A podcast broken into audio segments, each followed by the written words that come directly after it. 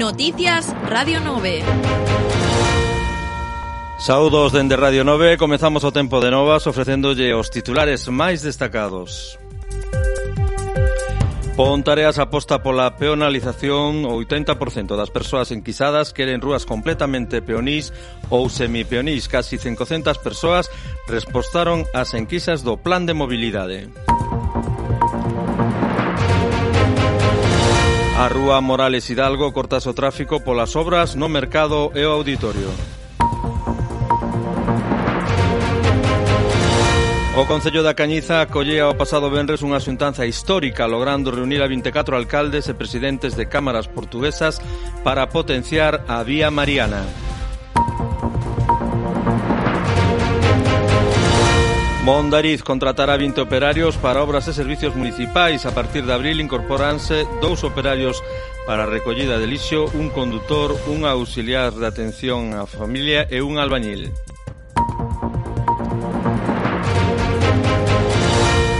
O Concello de Salceda celebrará as 12 xornadas da Camelia os vindeiros 21 e 22 de marzo.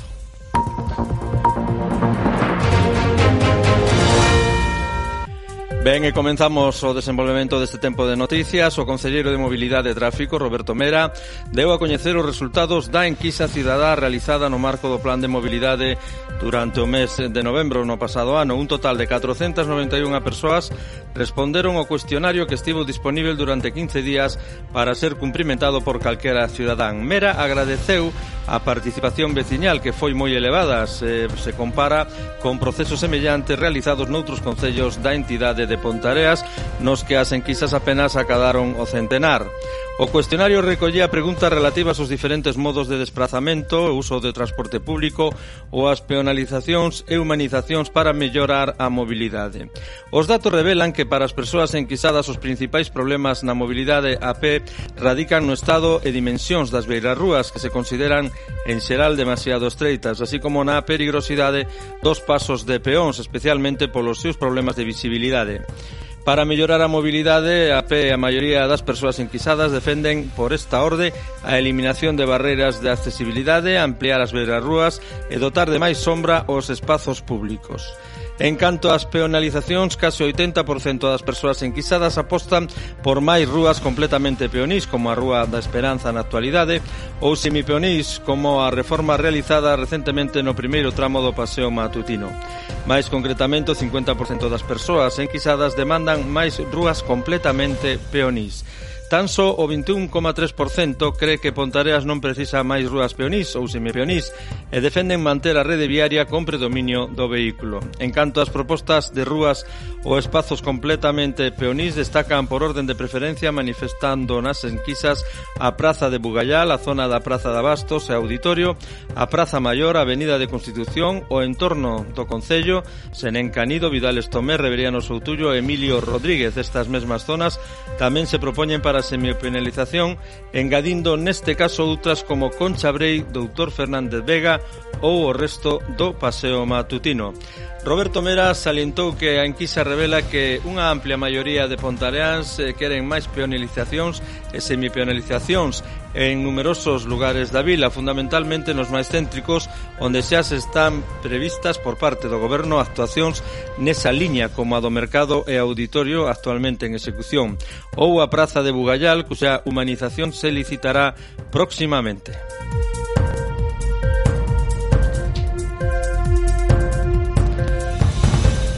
E continuamos falando do Concelleiro de Mobilidade, Roberto Mera, porque vende informar do corte a circulación de vehículos na rúa Morales Hidalgo. A partir de hoxe, luns día 9, como consecuencia das obras que se están executando na rúa Doutor Fernández Vega entre o Auditorio e o Mercado Municipal. O corte ao tráfico, que durará aproximadamente dúas semanas, realizarase na entrada Morales Hidalgo na Praza de Bugallal e o acceso a dita rúa estará autorizado únicamente para residentes e servizos. Esta restrición afectará tamén a Rúa Doutor Fernández Vega, República Argentina, un tramo da Rúa Esperanza e Ferreiros que até agora accedían dende Morales Hidalgo. O acceso a esas rúas eh, durante a execución da obra deberá facerse pola Rúa do Baratillo ou por Santa Ana, Praza Maior e Calexa. Nestas últimas, atendendo a que a Praza Maior ten restringido o tráfico polas tardes, permitirase o paso únicamente para os residentes da zona afectada polas obras. A saída deberá efectuarse pola Rúa dos Ferreiros. A Concellería pide comprensión e desculpas polas molestias inevitables na execución de obras na vía pública e informa que para calquer consulta ou incidencia denuncia está disponible la Policía Local no teléfono 986 640050. E cambiamos agora de concello, ímonos a Cañiza, porque acollía o pasado vendres unha xuntanza histórica logrando reunir a 24 alcaldes e presidentes de cámaras portuguesas para potenciar a vía mariana. O alcalde da Cañiza, Luis Piña, presidiu este 6 eh, de marzo o primeiro encontro internacional de alcaldes e presidentes de cámara portuguesas da vía mariana de peregrinación luso-galaica que une Braga con Musía pasando polos santuarios marianos de 29 concellos e cámaras.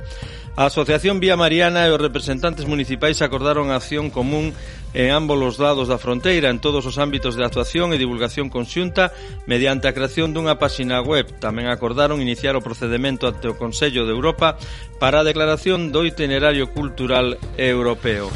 Un acto histórico polo seu carácter internacional organizado polo Concello da Cañiza en colaboración coa Asociación Vía Mariana na que o alcalde da Cañiza, Luis Piña, conseguiu congregar a máis de 24 institucións para analizar e debatir sobre as accións conxuntas e follas de ruta a seguir polos máis de 70 promotores que forman parte desta ruta, institucións públicas e privadas, asociacións, comunidades de montes e particulares. O alcalde Luis Piña, en calidade de anfitrión, inauguraba o deu a benvida a todos os autoridades e participantes agradecendo o compromiso amosado por todos os asistentes. Para o alcalde esta vía composta de 17 etapas que comeza en Braga e remata en Muxía é un proxecto realmente especial pola súa vinculación persoal co país irmán. Continúa na súa intervención afirmando que para disfrutar deste camiño basta con ter sensibilidade, basta con querer facer un camiño, con querer acompañar a algúns amigos, coñecer lugares maravillosos ou simplemente coñecerse a un mesmo.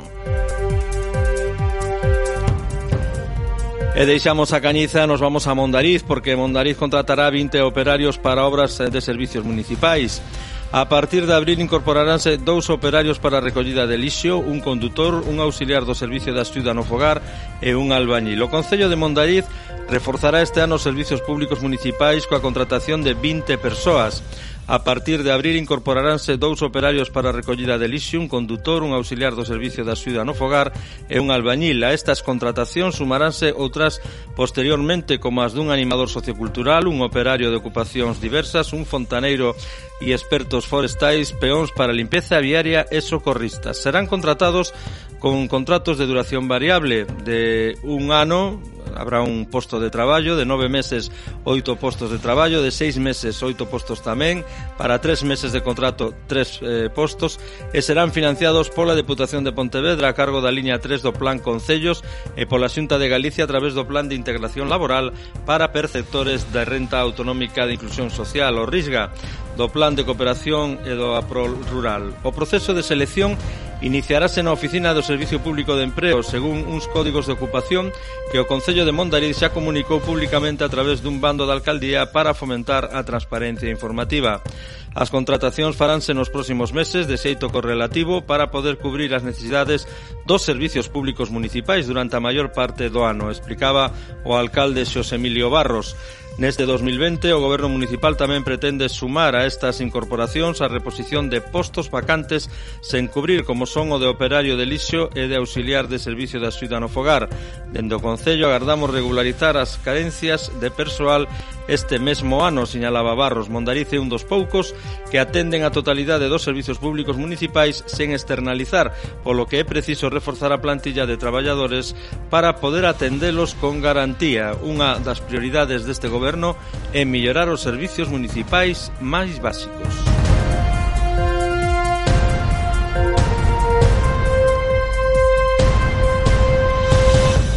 E nos vamos nos vamos a Salceda, o Concello presentaba as 12 xornadas da Camelia que se celebrarán os vindeiros 21 e 22 de marzo. Calcúlase que na mostra participarán unhas 75 persoas chegadas de toda a xeografía galega, Portugal e Asturias, que amosarán máis de 500 variedades desta flor de orixen oriental que se estenderán ao longo de máis de 160 metros de exposición. Lucía Pereira, concelleira de Turismo encargada da xestión da mostra, agradeceu especialmente o traballo da Asociación Asociación de Xubilados e Xubiladas e Pensionistas de Salceda, pois en a súa axuda sería imposible levar a cabo a mostra. Así mesmo, quixo facer extensivo o convite a participar aos centros de ensino, asociacións e outros colectivos, moitos dos cales xa confirmaron a súa presencia nesta mostra, que se ten convertido na maior dimensión de toda Galicia.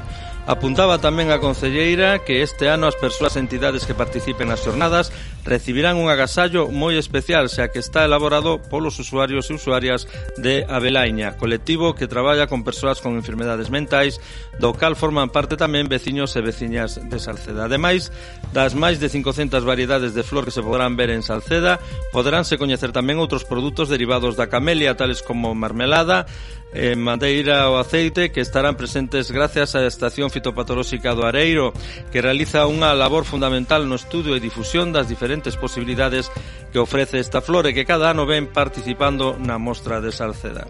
O domingo celebrarase ademais unha nova edición da Feira de Agricultura Ecolóxica e Mercado Sostible da man de Ecohuerta con produtos reciclados e de segunda man, cosmética natural, oficios tradicionais, etc. etc. A fin de semana complétase con diversos actos de programación cultural complementaria como é o concerto de Volta e Dalle o sábado ás 16.30 no acto de inauguración ou animación da rúa e xogos infantís para o domingo 17 ás 17 horas a cargo de Cóxegas. Loli Castiñeira, alcaldesa de Salceda, agradeceu o traballo de todas as persoas e colectivos que fan posible a Mostra, Asociación, Voluntariado e Colexios.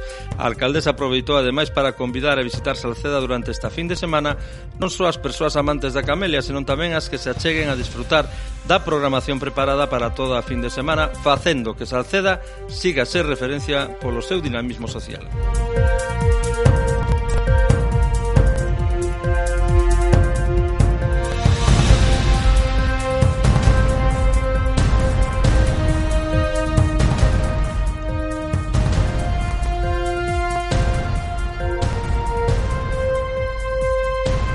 Ben, agora, chegados a este punto do tempo de noticias, eh, deixamos a Alejandro Martínez que nos dá a información deportiva desta pasada fin de semana.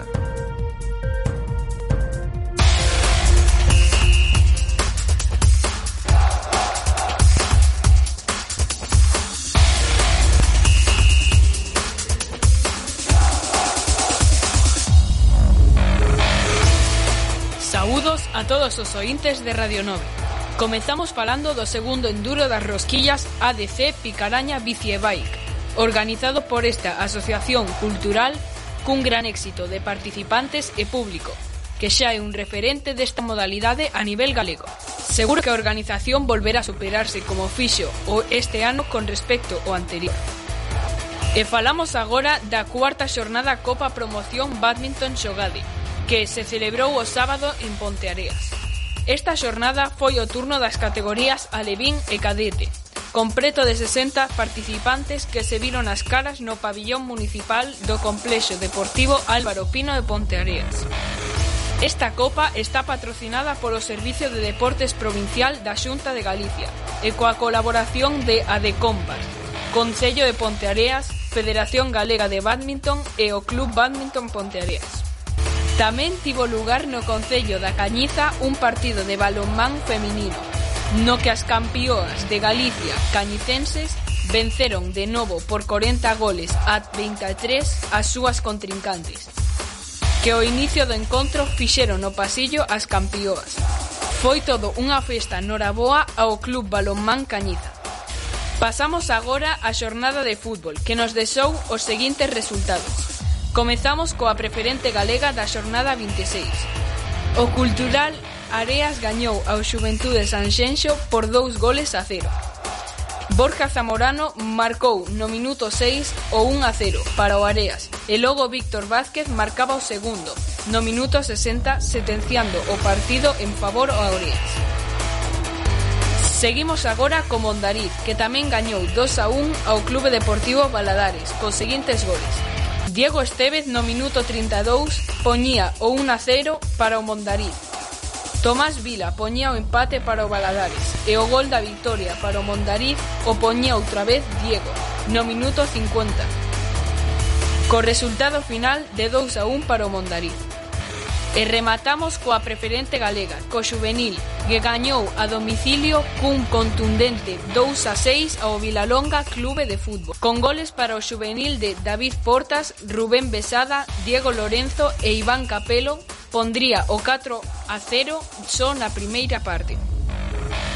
Na segunda parte, Pablo e Iván para o juvenil e outros dos goles do Vilalonga deixarían o resultado definitivo 2 a 6 en favor ao juvenil.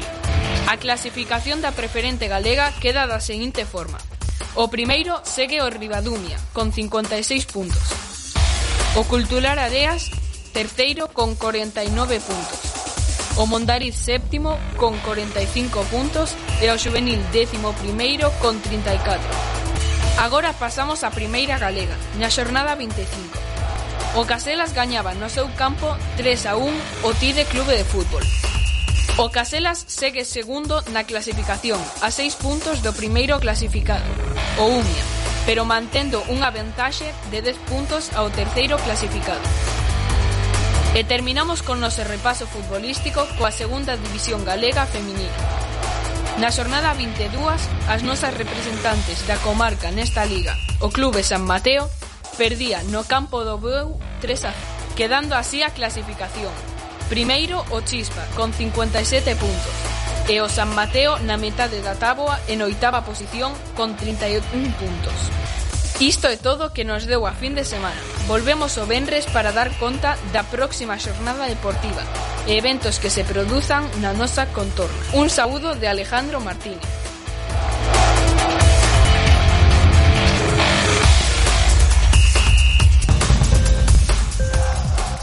Ben, pois moitas gracias Alejandro Martínez por ese repaso á información deportiva. E agora nos, se non chegaron a tempo o inicio deste tempo de novas, lle recordamos cales foron os nosos titulares máis destacados. Pontareas aposta pola peonalización 80% das persoas enquisadas queren rúas completamente peonís ou semipeonís Case 500 persoas respostaron a enquisa do plan de mobilidade A Rúa Morales Hidalgo cortas o tráfico polas obras do mercado e o auditorio. O Concello da Cañiza colleu este pasado venres unha xuntanza histórica logrando reunir a 24 alcaldes e presidentes de cámaras portuguesas para potenciar a vía mariana.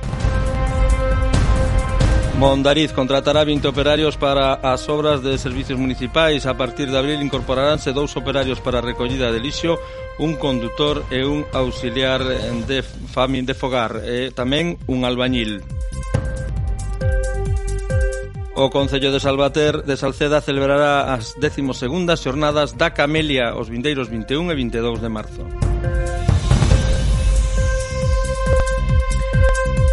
Ben, recorden que poden seguir os informativos de Radio 9 a unha do mediodía a 7 da tarde. Saúdos, gracias pola súa atención e sigan na nosa sintonía, a sintonía de Radio 9.